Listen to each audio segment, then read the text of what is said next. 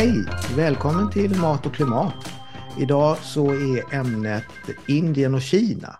Vad händer egentligen där när det gäller eh, förnybar el? Och eh, eftersom Kina och Indien är så extremt viktiga länder.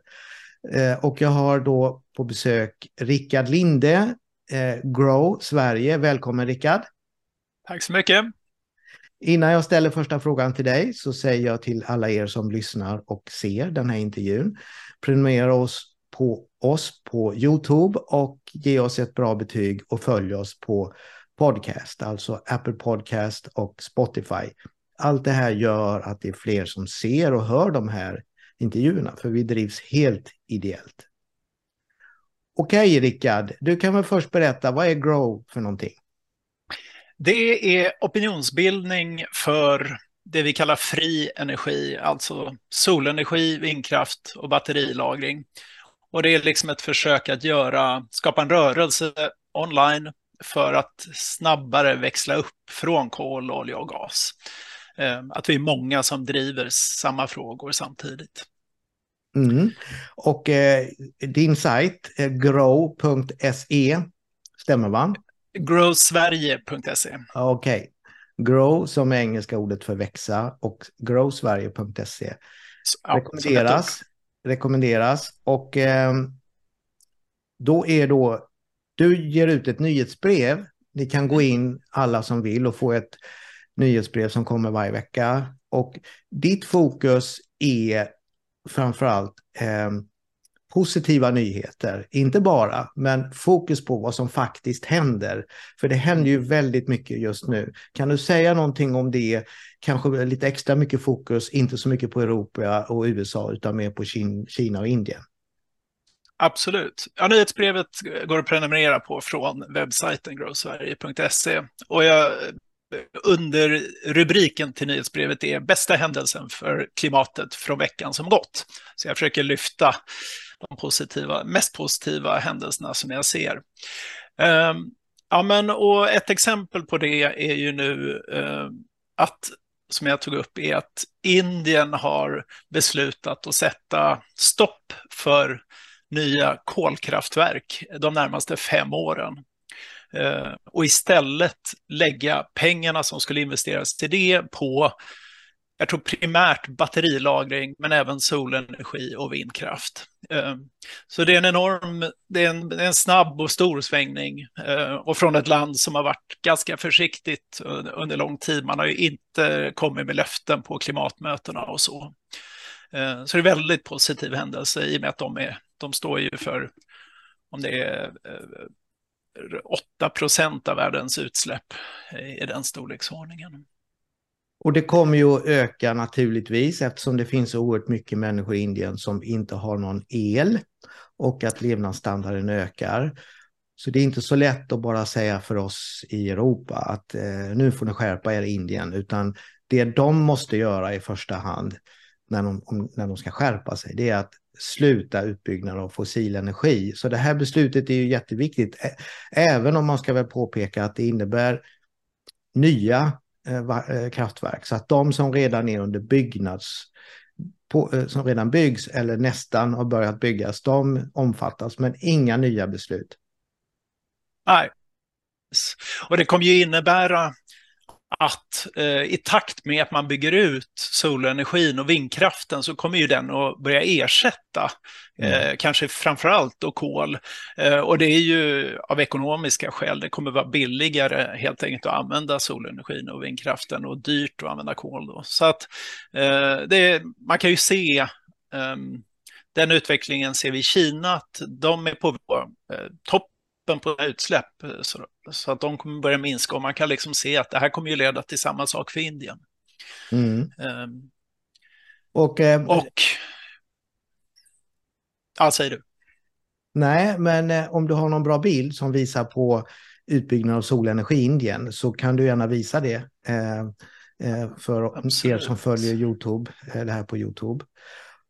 Och, eh, men vad vi ser är ju en, en väldigt explosiv ökning eh, av eh, solenergiutbyggnaden i Indien. Och här har vi då en, en figur, en graf. Du kan förklara den.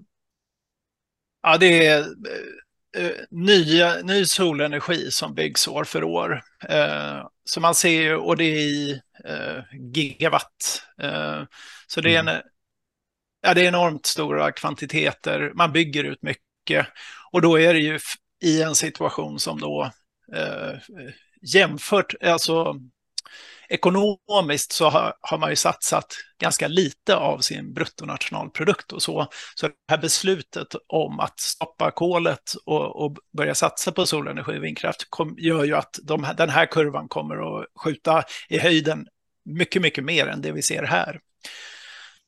Och eh, för att ehm, illustrera så kan jag bara säga då att 2015, ehm, från 2015 har det skett väldigt snabb ökning till 2019 och sen kom covid. Eh, och då hände det ju mycket, inte så mycket i världen. Sen 2021 var nytt rekord och 2022 var en väldigt kraftig ökning och rimligen så kommer väl 2023 att vara mycket bättre än 2022.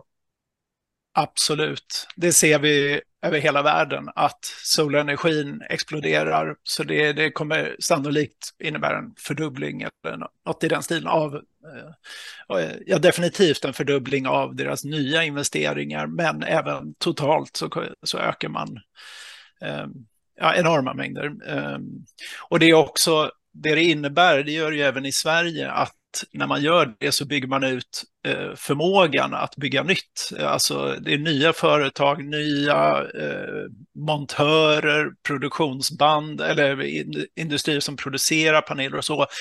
Så det, kan man ju, det kommer man ju fortsätta använda år efter år och bygga ut. Det är ju liksom en, en, eh, en kapacitetsökning, så ens kapacitet att producera solenergi ökar. Ehm, så den, den ökningen vi ser näst, det här året, eh, det kommer ju liksom adderas ovanpå det året efter och så vidare. Ehm, så mm. det, ja, det är enormt positivt och, och, ehm, och det är väl liksom eh, att ett land som Indien som ändå har ja, stora problem både ekonomiskt och, och eh, och med, med, med samhällsutvecklingen, eller de har många behov, eh, att de gör en sån här grej är talande. Eh, att vi i Sverige ägnar oss åt det, det, vi har ju ändå väldigt god ekonomi, väldigt goda förutsättningar. Men nu ser vi liksom hur även eh, liksom, ja, ekonomier som Indiens mm. Eh, svänger om.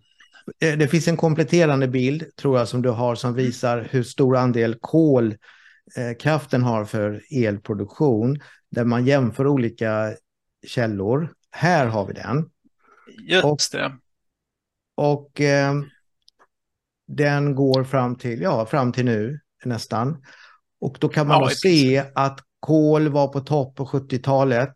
Men, eh, och sen har det gått ner lite grann, men inte så mycket. Men eh, oljan har gått ner en del, men vi ser också då att vindkraften nu börjar eh, ta fart. Men det är fortfarande, vad, vad som är så positivt med det här det är ju att Kina, eller förlåt, Indien har så enorma stora utsläpp eftersom de har så stor andel kolkraft i procent. Det är ungefär ja. 60 procent av elen. Så att det kommer ju, när man ersätter det här, och det är det man kommer göra om man inte bygger mer kolkraft utan den här exponentiella ökningen av solenergi tar fart ännu mer. Ja, Eh, ja, men så är det. Och att i den här grafen att vi inte ser sol och vind, det är ju att andelen är rel relativt kolig så liten. Men däremot så är ju kurvorna pekar ju liksom rakt uppåt i fördubblingshastighet. Eh, så solenergin har ju även i Indien eh, i princip fördubblats år för år under två decennier, eh, men från små, små kvantiteter. Men nu börjar ju då 15 så var solenergin i Indien på 1 procent av all elproduktion och i år så är den ju på 5 ungefär. Eh, och då kan man liksom se att om det, för, om det ökar med 1 eller 2 eller 3 procent per år så blir det snabbt att man kommer upp i, i tvåsiffriga tal eh, som andel av, av landets elproduktion. Eh, så nu, ja, vi kommer börja se, nu, nu kommer ju både vind och sol att märkas väldigt tydligt i, i de här diagrammen. Eh, och givetvis framför allt för för uppvärmningen, eller för utsläppen och för uppvärmning, jordens uppvärmning. Och det här gör väl förmodligen Indien av flera skäl, tar det här principbeslutet att inte bygga mer kolkraft. Men ett skäl är naturligtvis att det blir billigare och eh, att bygga solenergi och också en del vindkraft. Eh, och de förstår, det är det ena skälet, men det andra skälet är att de vill kunna sätta press på den rika delen av världen att nu, måste, nu börjar vi leverera här, nu måste ni minska era utsläpp eh, mycket snabbare. Kan man se det så? Ja, ja så kan man se det och, och även eh, som marknadsekonomer att när, de, när Indien satsar på solenergi så innebär det ju att de blir bättre på det och kapar åt sig marknadsandelar, vilket gör att om inte USA gör det samtidigt till exempel, då förlorar de då blir de sämre på det och förlorar intäkter, de förlorar kunder eh, och marknader. Så, eh, så man kan se hur Kina, man kan se hur EU, USA, de liksom följer varandra i de här satsningarna och Indien. Så när något, någon del av världen satsar mycket, då nästan tvingas de andra att följa efter. Det är en väldigt positiv, eh, liksom, jag, jag kan vara tveksam till marknadsmekanismer i, i, en del sammanhang, men i det här sammanhanget är det ju genuint positivt, för det får alla att satsa mer på eh, ja, utsläppsfria teknologier. Eh, och, och, och, när ett land som Indien gör det så är det så stora kvantiteter också, så det blir så en enorm skillnad. Så här talar vi om eh, eh, eh, massproduktion och inlärningskurva. Alltså när man producerar mycket mer så händer två saker. Man ökar kunskapen att producera billigt och effektivt och, och med kvalitet, men man har också så stora volymer så att priserna fortsätter att gå ner. Och det har vi sett exempel, det bästa exemplet är ju persondatorer och mobiltelefoner. Ja, eh, ja visst. Eh, och det, det de har gemensamt, eh, batterier, solpaneler och mobiltelefoner och datorer, det är att det är teknologier som utvecklas i fabriker på löpande band. Och de är relativt standardiserade och det gör att företagen har liksom anledning att utveckla de här i fabrikerna Eh, för att kunna konkurrera med varandra och, och liksom, eh, ja, kunna sälja mer. Eh, till skillnad från alla energiformer som baseras på bränslen. För de kan inte utvecklas på det sättet. Man kan liksom inte förbättra bränslen genom Eh, man försöker ju i labb såklart, men det blir väldigt, väldigt små förändringar. Medan när det gäller batterier då till exempel så utvecklas ju de hela tiden eh, och det är ett enormt tryck på alla som håller på med det att hela tiden förbättra sig, för nu sker den utvecklingen globalt och man konkurrerar med företag i alla länder. Eh, så det, så det, det, är, en, det är en väldigt det är en snabb utveckling och den sker i en miljö där utvecklingen också kan, eh, liksom, det kan ske snabba förändringar. Eh, och, och, och, och, för att inte, nu tänkte jag skoja lite, för att inte det här ska låta som en solskenshistoria, att världen håller på att fixa eh, klimatproblemet, så är det inte så. Eh, det är så här att vi befinner oss i en accelererande klimatkris, eller om man så vill, klimatkatastrof. Men det är trots allt så att Indien finns kanske en halv miljard människor som inte har el, kanske mm. ännu fler.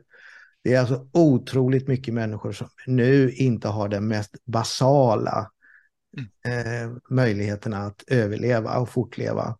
Så att när vi i Sverige och i andra länder nu satsar på till exempel batteritillverkning så är det förutsättningen för att de här enorma mängderna av fattiga människor i Indien, Indonesien, även Kina och så vidare ska kunna ha någon slags levnadsstandard där man kan äta åtminstone och, och ha eller el, barnen ska kunna studera och så vidare.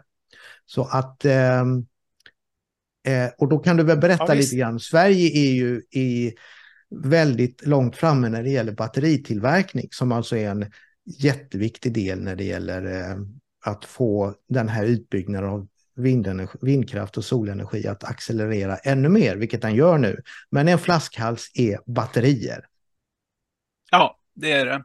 Jag kan flika in först eh, att eh, det du var inne på, att klimatkrisen, eh, den accelererar ju också. Och vi såg ju veckan som gick hur liksom, snitttemperaturen i världen slog rekord. Det var den högsta temperaturen, eh, snittet i världen var den högsta temperaturen i måndags, vilket slogs i tisdags och vilket slogs i onsdags. Och jag undrar om det inte var även en fjärde gång i torsdags eller fredags, eh, som alltså är den högsta medeltemperaturen vi någonsin har sett. Eh, eller som vi har sett sedan sen man började eh, registrera temperaturer. Eh. Så det är eh, definitivt eh, eh, en kris i allra högsta grad. Vi ser enormt ja, liksom förfärliga effekter på alla möjliga håll. och vi kan ju bara vara tacksamma för att vi inte har drabbats alls på det sätt som många andra insatser eh, gör. Med det sagt så är det ju eh, ännu viktigare att vi faktiskt eh, agerar eh, på alla nivåer och så mycket vi kan. Eh, för det är det som kommer att göra skillnad. Och vi kan ju liksom påverka det här. Vi kan definitivt göra livet bättre för, oss själva och för varandra. Och batterier är ju nyckel för att kunna, ju mer batterier vi har tillgång till, desto snabbare kan vi bygga ut solenergi och vindkraft och vattenkraft och så. Ja, men och i Sverige vad, vad finns det ju... för svenska aktörer? Vi har Northvolt. Ja, vi har eh, som har två fabriker, en som finns och en som är på gång i Göteborg, en i Skellefteå. Kan du berätta lite mer om, om, om eh, hur det ser ut i Sverige? Ja, men Northvolt är ju den största och mest kända aktören. Eh, sen har ju nu nyligen så har ju eh, Tibber, eh, som ju är en, en tjänst eh, som tillhandahåller tjänster för att, att eh, få ner sina energikostnader, de har lanserat ett batteri eh, eh nu ska vi se, tillsammans med, med tyska Sonnen, som ju är ja, en av världens fem största batteritillverkare eh, och lanserat deras eh, hushållsbatteri för den svenska marknaden. Eh, vi har eh, den som har varit kanske aktiv längst i Sverige är ju Ferroamp. Eh, och de har ägnat sig mycket åt, eller de är ju specialister på all den utrustning som behövs, eh, växelrikter och sånt, sånt som behövs mellan batteriet och solpanelerna och, och, eh, och elnätet. Eh, för det behövs ju en hel del teknik och de är väldigt skickliga på det. Men det har också, jag gissar, för nu lanserar de batterier och det är väl helt enkelt för att efterfrågan på det är så hög, så jag gissar att deras kunder eh, eh, Ja, de ber nog om batterier samtidigt som de vill köpa de andra produkterna. Eh, och vi har, ja Tesla såklart, det är inget svenskt bolag, men de är väl, eh, jag vet faktiskt inte hur, de har ju inte, de lanserade ju eh, solpaneler för tak och det vet jag inte om det finns i Sverige ännu, men de har ju Powerwall som är sitt, deras hembatteri och som ju vad jag förstår säljer en hel del även på svenska marknaden. Och nu ska vi se. Alltså jag kommer ihåg. Ja, men det finns fler. Eh, och det sker ju, jag tror för svenskarna i, i att senaste året så har ju vi blivit medvetna om eh, att batterier är någonting man kan ha i hemmet.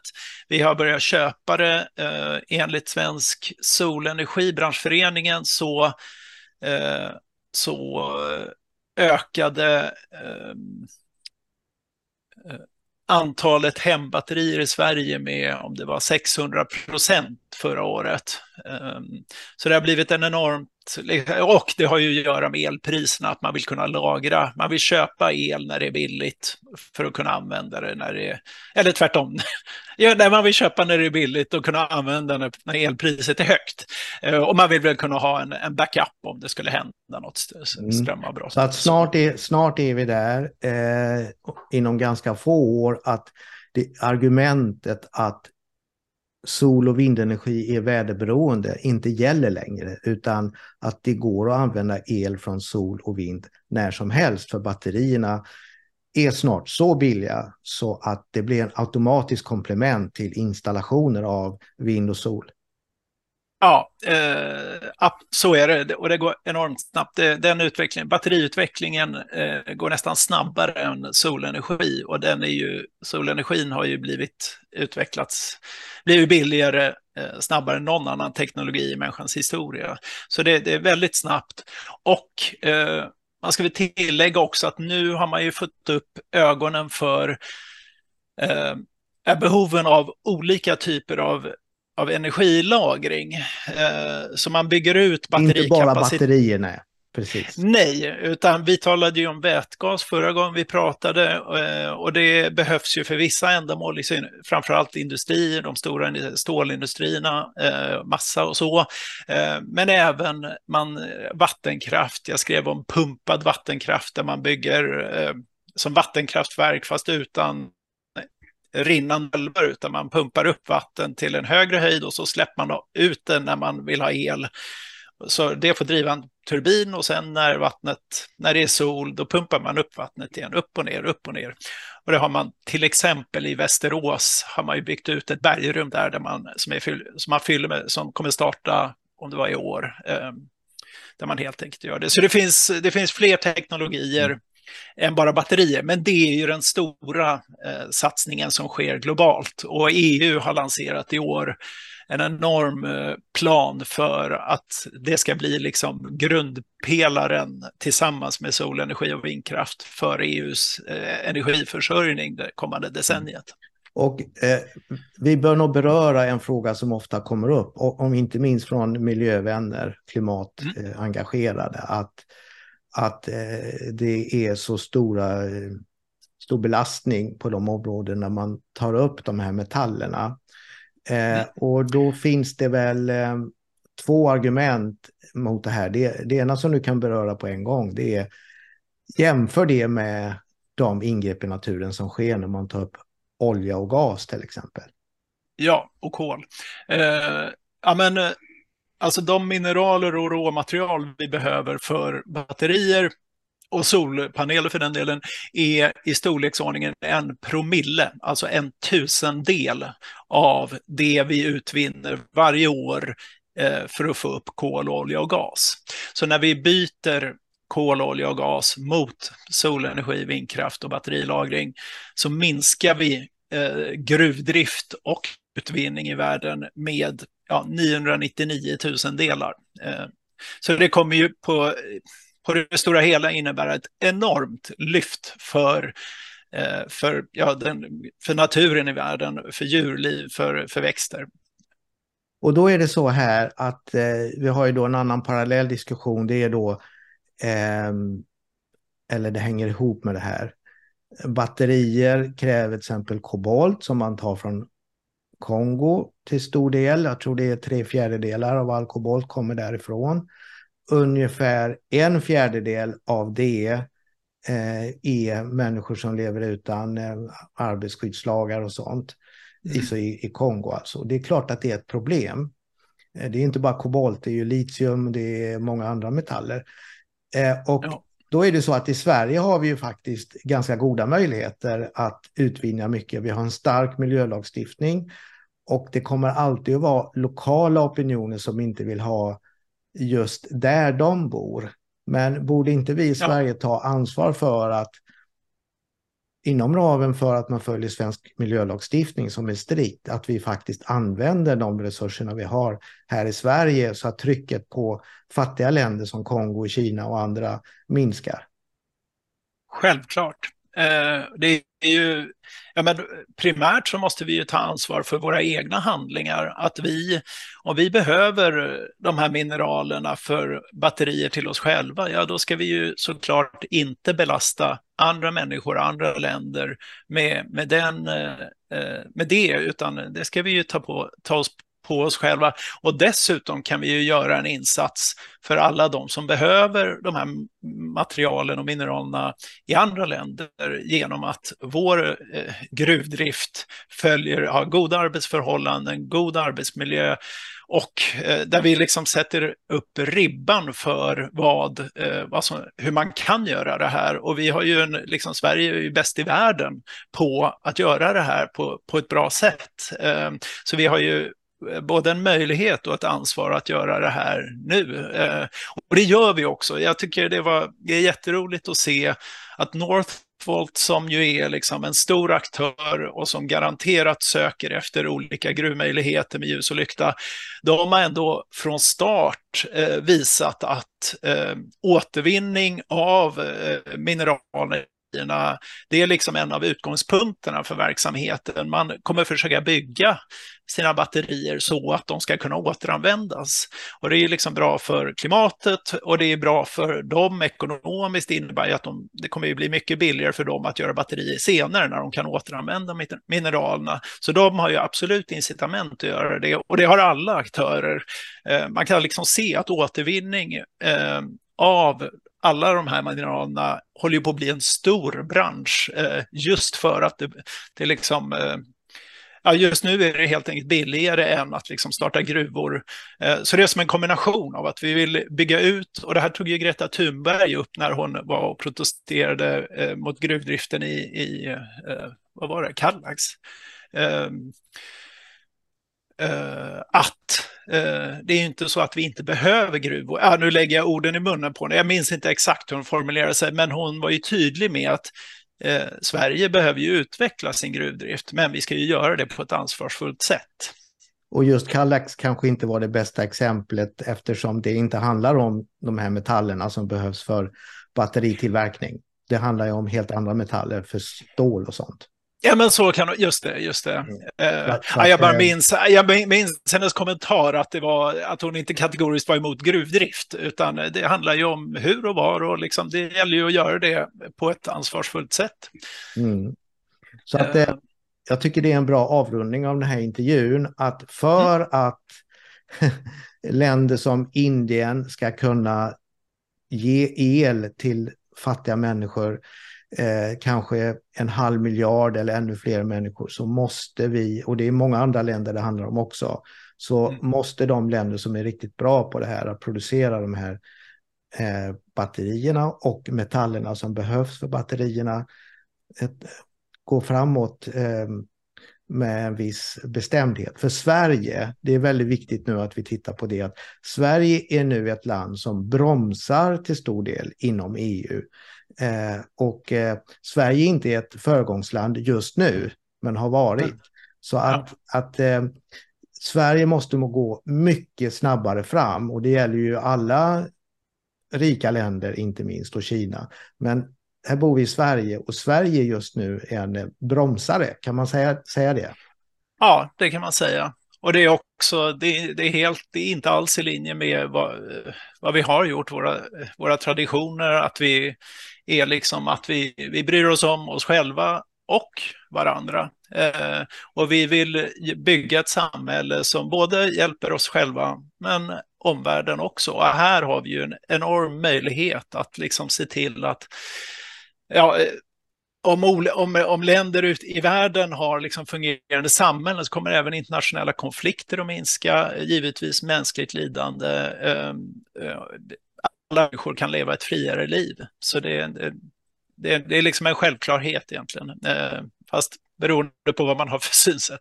Mm.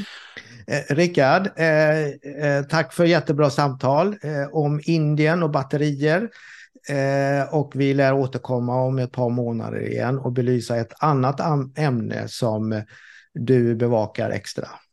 Absolut, det är trevligt att vara med. Mm. Och du som har eh, sett och hört den här intervjun, som sagt, prenumerera på kanalen på YouTube. Det är gratis, självklart. Och eh, eh, ge oss ett betyg på Spotify och eh, Apple Podcast. Och vi lägger upp en intervju varje vecka på tisdagar och på podcast är det på torsdagar. Så tack Rickard och tack du som var tittare och lyssnare.